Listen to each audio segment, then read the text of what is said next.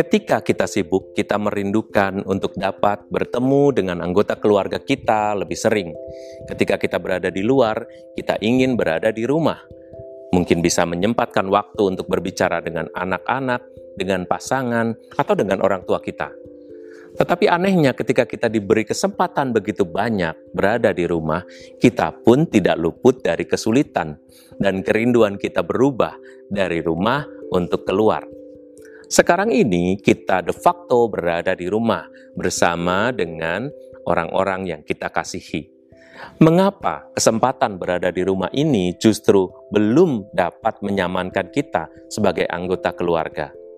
Saudara-saudari yang terkasih, komunikasi di dalam kasih, kebersamaan yang berkualitas, pemberian-pemberian diri yang tulus, dan cinta kasih yang terungkapkan akan menjadi jalan cerita yang mengubah ketidaknyamanan menjadi kenyamanan bagi kita.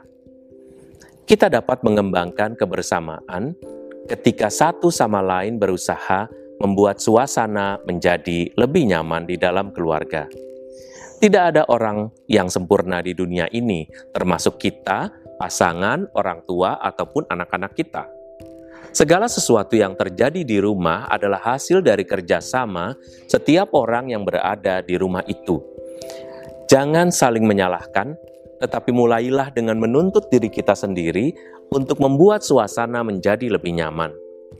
Jangan juga saling menuduh, supaya setiap orang yang berada di rumah tidak merasa selalu disalahkan, selalu disudutkan.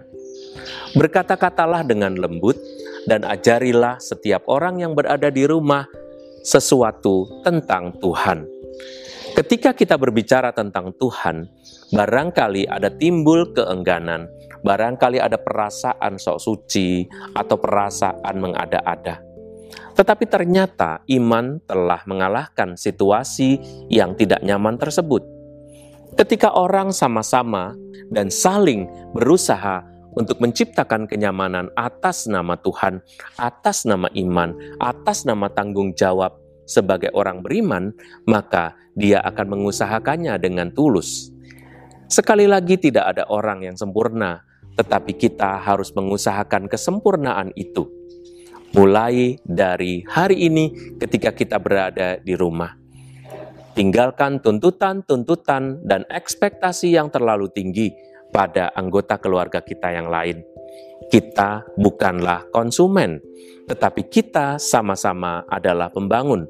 Ketika rumah tangga ada konsumennya, ada penjualnya, ada pembuat, ada orang yang mengkonsumsi, maka hal itu akan membuat rumah tangga menjadi tidak seimbang.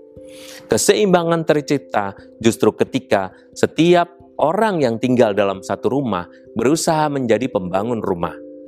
Tanggung jawab ini harus dipegang oleh semua orang berdasarkan dari tugasnya di dunia ini, entah dia sebagai ibu, entah dia sebagai bapak, suami, istri, entah dia sebagai anak, juga terhadap orang tuanya.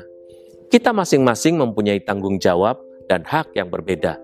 Tetapi semua itu bisa menjadi sesuatu yang menyenangkan hanya karena kita menerima tanggung jawab kita untuk mengusahakan suatu kehidupan yang jauh lebih baik. Bersenang-senanglah, berbahagialah dengan orang yang Anda cintai seharusnya. Jangan menganggap kebersamaan itu menjadi sesuatu yang memberatkan, tetapi jadikanlah kebersamaan ini menjadi sesuatu yang Anda rindukan dan tidak akan pernah kembali lagi. Kita mengusahakan dalam nama Tuhan. Kita mengatakan kepada anak-anak, pasangan, dan orang tua kita bahwa kebersamaan ini adalah sesuatu yang berharga. Jangan pernah merasa ini sesuatu yang berat, karena ini adalah anugerah dari Tuhan. Bekerja dari rumah, berdoa dari rumah, beribadah dari rumah, belajar bersama dari rumah, dan jangan lupa rekreasi bersama di rumah. Semoga Tuhan memberkati kita dan semoga inspirasi ini membawa bekerja dari rumah atau WFH menjadi pengalaman yang menyenangkan bagi kita semua. Tuhan memberkati kita.